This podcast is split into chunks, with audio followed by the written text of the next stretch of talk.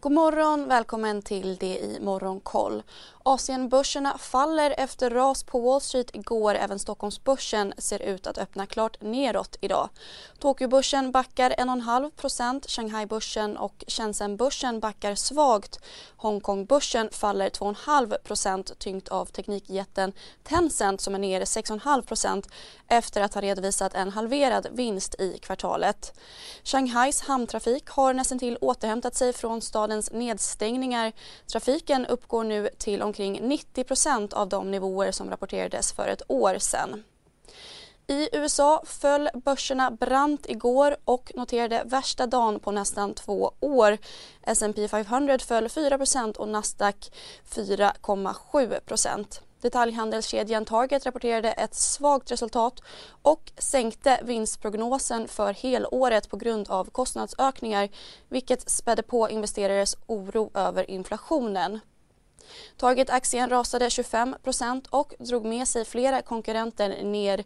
Sektorkollegan Walmart backade ytterligare 7% efter att ha rapporterat liknande resultat i tisdags.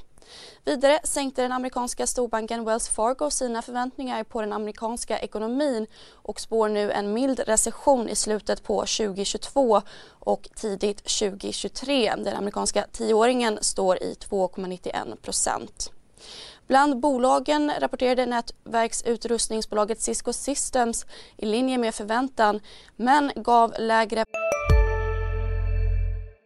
Har du också valt att bli egen? Då är det viktigt att skaffa en bra företagsförsäkring. Hos oss är alla småföretag stora och inga frågor för små. Swedeas företagsförsäkring är anpassad för mindre företag och täcker även sånt som din hemförsäkring inte täcker. Gå in på swedea.se företag och jämför själv prognoser än väntat. Aktien föll närmare 13% i efterhanden.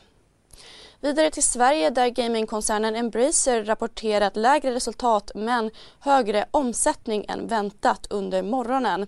Ebitda-resultatet landade på 1,47 miljarder kronor mot väntade 1,52 miljarder kronor. Nettoomsättningen uppgick till drygt 5,2 miljarder kronor, klart över väntade 4,5 miljarder kronor. Och bopriserna i landet faller ytterligare. Det visar Valueguards boprisstatistik.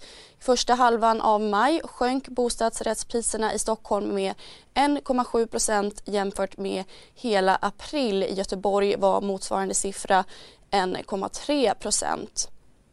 och bopriserna i landet sjönk 0,5 procent i april jämfört med i mars. Säsongsrensat var nedgången 0,2 på samma tema spår SBAB att boräntor på 4% blir det nya normala framöver utifrån att Riksbanken höjer reporäntan vid varje möte fram till sommaren 2023. Reporäntan spås även toppa på 2% i februari 2024. På agendan idag ser vi fram emot ytterligare rapporter från bland annat Checkin.com och Björn Borg som släpper sina siffror efter börsens stängning. Vi får även USAs Philadelphia Fed-index över tillverkningsindustrin. Missa inte heller Börsmorgon som vanligt 8.45.